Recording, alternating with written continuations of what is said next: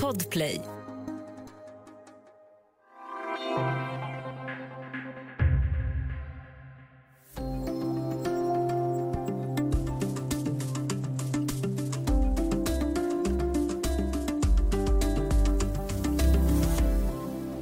I juni 2019 valde partiet Hela mig.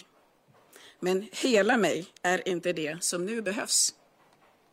Hela mig och diskussionen om Hela mig skymmer det som är allra viktigast.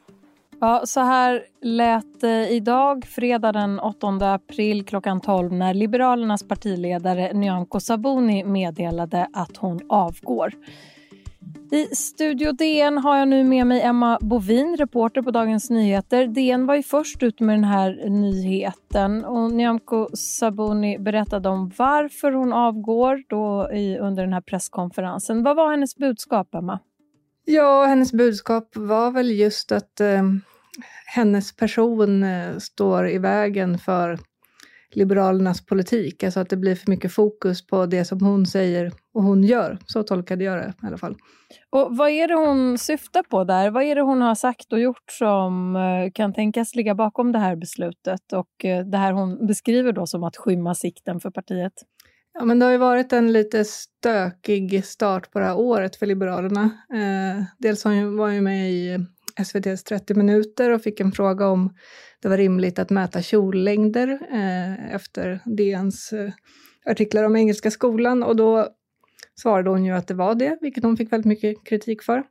Sen så var hon med i DNs eh, partiledarintervju eh, och uttryckte det som att eh, Sverigedemokraterna skulle kunna ingå i en regering med Liberalerna, vilket går emot vad partiet har beslutat. Eh, så då fick hon ju intern kritik för det och extern kritik och var tvungen att skicka ut ett sms till sina partikamrater som dessutom läckte till media. Eh, så det stormade lite kring det.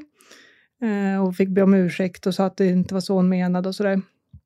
Och sen nu senast så har det varit en film från Liberalernas Youtube-kanal som har spridits eh, om, där hon bland annat resonerar kring att hon skulle kunna åka till Norge om kriget kommer till Sverige. Och då har hon ju anklagats för att ja, men, inte ta sitt ansvar som partiledare, eh, desertera och så vidare. Så det, är, det är de grejerna som har varit eh, på agendan liksom i, bara i år. Och hon har inte varit partiledare så himla länge heller. Hon tryckte också på sin roll som Sveriges första afrosvenska partiledare och att hon var med och grundade Afrosvenskarnas riksförbund som en del av sin politiska bakgrund. Vi ska höra lite hur det lät. Det är det nya Sverige som har varit och är min drivkraft. Hur vi tillsammans kan göra mer av det vi blivit. Det var därför jag bildade Afrosvenskarnas riksförbund. Det var därför jag gav mig in i politiken. Ja, det här med hennes eh, egen etniska bakgrund det är ju inget hon brukar lyfta. Varför tror du att hon gjorde det nu? Ja, det är svårt att säga, men jag håller med dig om att det är ovanligt att hon pratar om det. Hon blev ganska förvånad över att hon tog upp det eh, så tidigt också i det här talet. Men det kan väl ha att göra med det här som hon säger om att eh, Eh, hela mig, att hon, hela hon ville vara partiledare men att hela hon stod i vägen för Liberalerna. Men det är lite svårt att veta vad man ska tolka in i det där. Och vad tror du eh, har hänt i, i kulisserna? Hur har diskussionen gått inom partiet och, och mellan eh, Liberalerna och samarbetspartierna? Ja, alltså det har ju varit... Eh, det är ju ett splittrat parti eh, och eh, Nyamko Sabunis främsta uppgift har ju varit att ena det här partiet som är ganska sargat efter sina stridigheter kring framförallt januariavtalet. Det var ju ena delen av partiet tyckte ju att det var bra och andra delen tyckte inte det. Och sen så när de då gick över till den borgerliga sidan Eh, och dessutom eh, fick till det här samarbetet med Sverigedemokraterna så var ju det inte en enkel fråga för Liberalerna. Eh, och nu när partiledaren har varit så mycket i fokus på grund av sin person eller för att hon ibland kan uttrycka sig så att hon missuppfattas, eller hur man ska säga, eh, så har det ju också såklart väckt eh, debatt internt. Eh, det var ju som till exempel det här smset som hon skickade ut till sina partikamrater när hon tyckte att hon blev missförstådd i DNs partiledarintervju. Eh, att det överhuvudtaget läcks är ju ett tecken på eh, partikamrater som inte är så eh, lojala mot sin partiledare. Och nu senaste, det här vi har ju fått uppgifter till DN om att anledningen till att hon avgår nu är just att det här sista nu med filmen om att hon skulle fly till Värmland, eller att hon skulle fly till Norge. Det blev liksom för mycket, det blev droppen. Sen om det är hon själv som tycker det eller om det är partiet som tycker det, det vet vi ju inte än. Och vad blir Nyamko Sabunis politiska arv efter sin korta tid som eh, partiledare för Liberalerna? Ja, det är väl att hon eh, tog loss partiet från januariavtalet och eh, förde in det på den eh, borgerliga sidan igen. Eh, och också det här eh, närmandet till Sverigedemokraterna. Det var ju hon som tog steget eh, till att partiet skulle kunna samarbeta med Sverigedemokraterna, vilket ju är en stor identitetsfråga för Liberalerna.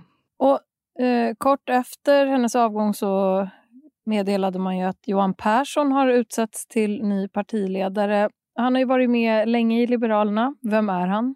Ja, han är en, eh, en rutinerad liberal politiker. Han eh, eh, står ju för någon form av stabilitet. Eh, jag gissar att det är det som är hans uppgift nu, att liksom föra det här partiet in i valrörelsen utan att det kommer några oväntade nya avslöjanden eller feltolkningar eller filmklipp som sprids. Eh, han ska väl vara liksom en garant för stabilitet nu fram till valet. Och med sin erfarenhet så tänker de väl att han är en passande person för det. Ja, och det är ju knappt fem månader kvar till valet. Liberalerna riskerar sedan en tid tillbaka att åka ut eh, enligt opinionsundersökningar. Hur kommer partiledarbytet att påverka Liberalerna? Ja, det är ju väldigt eh, tätt in på valet och eh, Liberalerna ligger ju ganska långt under spärren i nuläget. Eh, så, eh, mina kollegor har intervjuat eh, statsvetaren Janne Madestam och hon säger att det är liksom det är vinna eller försvinna som gäller nu och att en ny ledare kan ju då göra sig förtroendefull på kort tid och lyckas ena partiet, men det finns ju också en risk i att det istället blir tvärtom, att den inte lyckas ena partiet eller göra sig eh, förtroendefull inför väljarna på, eftersom det är så kort tid kvar. Eh, men det viktigaste, den viktigaste uppgiften är ju att partiet kan sluta samman och de har ju inte så många månader på sig. Så risken kanske är något större än chansen att det ska lyckas. Om vi zoomar ut lite från Liberalerna, hur kommer det här att påverka det politiska läget och Liberalernas politiska samarbetspartier, Moderaterna, Kristdemokraterna och Sverigedemokraterna, tror du? Ja, alltså de, deras eh, mandat är ju viktiga ifall, ifall det borgerliga blocket ska kunna vinna valet. Men samtidigt så eh, har det väl varit ganska osäkert under en längre tid ifall Liberalerna ska kunna hålla sig kvar i riksdagen. Eh, så antingen så får de väl satsa på att vinna deras röster eller hoppas på att Johan Persson kan dra upp siffrorna till valet. Men jag vet inte vad man ska tro att de hoppas på där riktigt. Det har ju varit också lite Liberalerna har ju varit lite utanför. Det, de, det är ju Kristdemokraterna och Moderaterna framförallt som vill bilda regering och så har ju Liberalerna hoppats på att kunna hänga på där. Och Sverigedemokraterna också för den delen. Eh, men det är ju inte en helt enad borgerlighet heller i nuläget. Tack så mycket för att du var med oss här i Studio DN. Emma Bovin, reporter på Dagens Nyheter. Tack. Om du vill kontakta oss så går det bra att mejla till studiodn dn.se. Och kom ihåg att prenumerera på Studio DN där du lyssnar på poddar så missar du inga avsnitt.